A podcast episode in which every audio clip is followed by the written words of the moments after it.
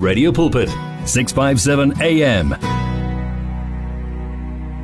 Eh ngiyabonga futhi nanga omunye umyalezo lana uthi family of Radio Pulpit let's keep Sister Bahle in our prayers. The evil one is trying his evil plans on her but the devil is a liar. No weapon formed against Bahle shall prosper. Isaiah 54 verse 17 amen from umamzandile engale eNewcastle. Ivillas ise Free State nebazalwane uh, if i'm not mistaken because uh, mina bengicabangela nje. Um kodwa ngikho sure. Yeah ngicela ukuthi owazi ukuthi ngempela ngempela ivillas ise ise Free State um um ayenze isiqiniseko lapho ukuthi ngempela ilapho. And njoba ngisho ngithi ngicela ukuthi umndeni wase Villiers if bayamazi umuntu obizwa ngegama uThemba and then mhlawumbe angasichazela kabanzi ukuthi ungubani. Okay. Um kwamanje ngiyalapha kumamzodwa Masango uzosithulela yanamuhla imotivation. Sawubona mfundisi wami. Sawubona bahle nabalaleli unjani? Ngiyaphila ma wena unjani? Ngiyaphila. Mm siyabonga ukuthi nakulolu suku. Uphinde ubuye. Uyazi nje um uzosherela uzosimotivate ngoba ziningi impela izinto ukuthi zingamenza umuntu alahlekelwe ithemba noma umuntu nje abone ngathi hayi impilo um uyabona kusaphileki ngenxa nje yezinto esibhekana nazo. So inhloso yokuthi sibe nama motivations noma nibe khona nisimotivate ukuthi nanoma umuntu ebona kunzima and then abona ukuthi ayicha impilo yami iphelile la. Bese wena uyeza ngamazi obuhlakani ngamazi ukuthi azommotivate so thank you so much. Ukuthi ke nibe khona ekutheni nihlezi nesikhuthaza insuku zonke. Ungaba bingelele emakhaya bese uyaqhubeka ngokuthi kulolu suku siphatheleni Ngiyabingelela kuwe bahle futhi namhlanje. Ngiyabingelela kubalaleli emakhaya. Ngiyabonga kakhulu once more ngethuba onginikeze lona namhlanje bahle. And um sizokubeka emthandazweni ngalesimo obhekane naso manje. Ngiyabonga. Eh balaleli emakhaya namhlanje eh ngoSunday ondlulile besikhulumile ukuthi ngizozama nje ukwakha i-case ezwakalayo. Ngaphambi kokuthi ngihlukane nabalaleli be-radio pulpit. So last week sikhulumile ngokuthi ukuze sikwazi ukufinyelela la sifanele sifinyelele khona kaningi kuye kushiwo ukuthi kumele sazi la sisuka khona. Ila sithole khona ukuthi la sisuka khona thina sakhiwa futhi siyaziwa uNkulunkulu wasidala futhi uyasazi and us-approvile futhi wasibona sifanelwe eh ukuthi sibe khona la emhlabeni senze lokho asinikeze kona naloku asiphathise kona.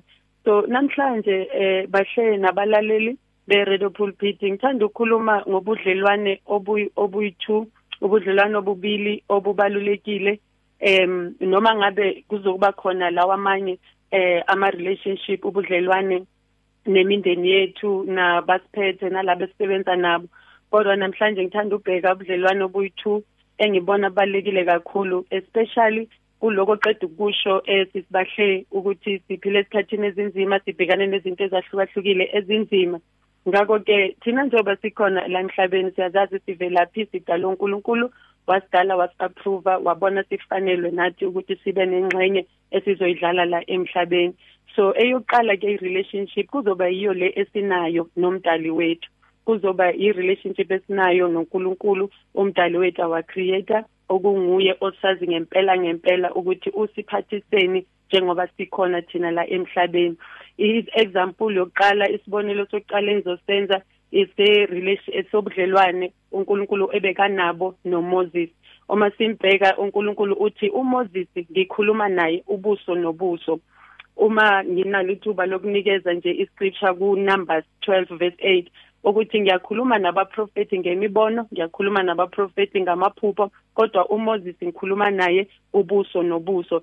Then sibona uNkulunkulu angena kwicase yakaMoses not ngenxa yezinye izinto but ngenxa ye relationship urefera kubudlelwane anabo noMoses uNkulunkulu uthi lona ilo engikhuluma naye ubuso nobuso. So ngamanye amezwi eze uNkulunkulu asidalile thina singabantu la emhlabeni uma sibhekana nama challenges noma ngaphambi kokuthi sibhekane nawo kulabo abasesenalo ithuba abasengakangeni kusho ukuthi kuyomele bese sinakekela kakhulu ubudlele balo osidalile ukuze lobo budlelwane bokwazi ukusisiza ngezikhathi ezinzima. Sazi ukuthi ngezikhathi esifana nalesi uNkulunkulu uzongenelela ngenxa yobudlelwane. So simbona kuNkulunkulu qobo lwakhe okhulumayo ukuthi lona esenimthinta manje yilo ngikhuluma naye ubuso nobuso.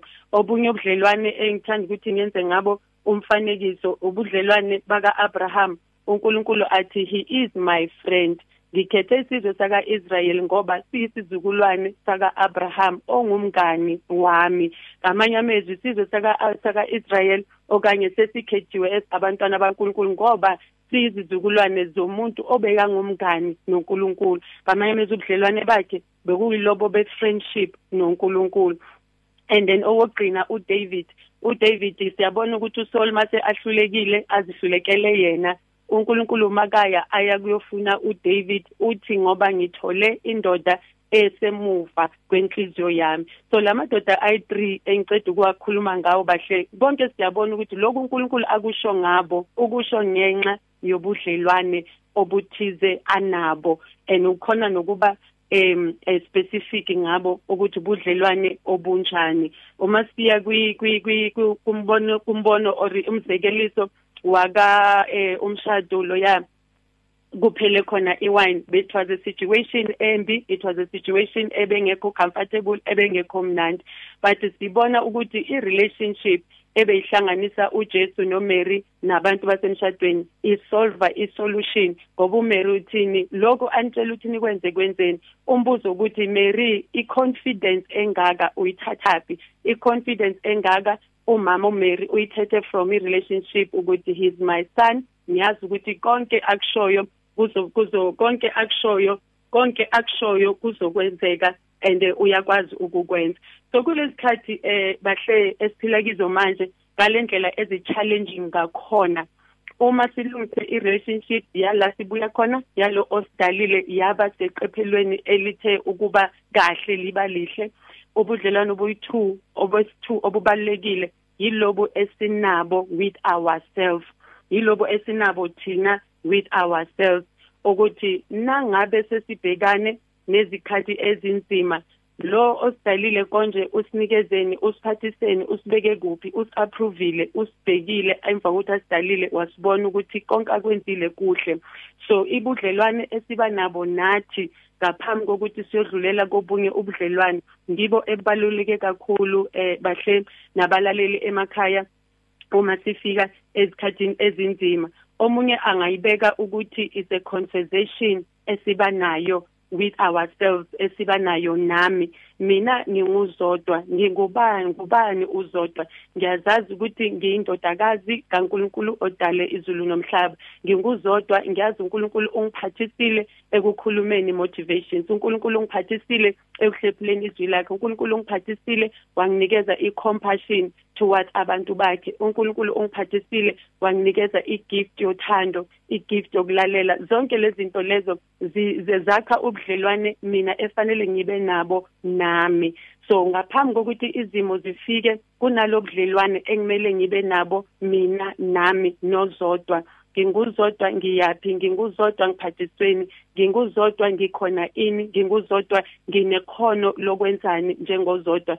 Nginguzodwa ngiyazithanda naqala. Kuyomele ngiqale ngisho ngizodwa ngiyakuthanda every day. Zodwa ngiyakholelwa kuwe every day. Zodwa ngiyakholelwa ukuthi kukhona la uyakhona ngiyakholelwa ukuthi uzofika la uNkulunkulu akubekele ukuthi ufike khona. Zodwa namhlanje uzokhona ukufinyelela abantu. uNkulunkulu akubekele kona. Zodwa namhlanje uzochange impilo zabantu noma uzothinta impilo zabantu noma uzofinyelela eh izimpilo zabantu ezidingweni zabo la apodingeka khona. Zodwa ubalulekile zodwa umhlaba uyakudinga. Zodwa uma ngabe wena ungahamba namhlanje la emhlabeni noma ungathi uzama ukuthatha impilo yakho mm. zodwa umhlaba uzosala wow. ushoda ngomuntu ofana nawe. Mm. Mm. Nanokuthi sihlezi nje siyikhumbuzo ukuthi we are fearfully and wonderfully made. Um yebo. Yo siyabonga kakhulu um mfundisi ngalamazwi am, amahle ukuthi nje sibe nobudlelwane nathi ngoba angeke uthi wakho ubudlelwane nomunye umuntu kodwa wena ungakakwazi ukuthi uyithande ungakakwazi ukuthi uzamukele the way ungakhona the way uNkulunkulu akudale ngayo. Thank you so much. Um asiphinde sihlangane futhi evikini elizayo. Konje utholakala kuphi uma ungekho la emoyeni? Ngiyatholakala ku WhatsApp eh bahle ku 078 566 86613 ku Facebook ku social media nguzodwa masango. Thank you so much. uNkulunkulu nje asigcinele wena and asibusele wena. Ngiyabonga kakhulu bahleni abalaleli Amen. Amen. Ya umam uh, noma ngathi umfundisi uzodwa masango ebesithulela yana namuhla imotivation uzobuya futhi nasevikini elisaya asisho nje sithi oh it all comes down to love BB Winans One vision, one voice, one message. Radio Pulpit 657 AM and 729 Cape Pulpit, impacting lives from Gauteng to the Cape. If you need prayer, please send your request to prayer at radiopulpit.co.za or WhatsApp 067 429 7564 or go to Radio Pulpit website on www.radiopulpit.co.za. Reach your customers in the car, at the office, at home, or wherever they are, night or day. Through advertising with Radio Pulpit, you can reach a large, unique, and loyal audience in a most affordable way. With over 500,000 people on our various platforms, from Gauteng to the Cape, you simply cannot go wrong. So advertise today. Contact us on 012 334 1339 or for advertising packages that we offer, go to www.radiopulpit.co.za. Terms and conditions apply. You and 657 AM and life, a winning team on the road to eternity.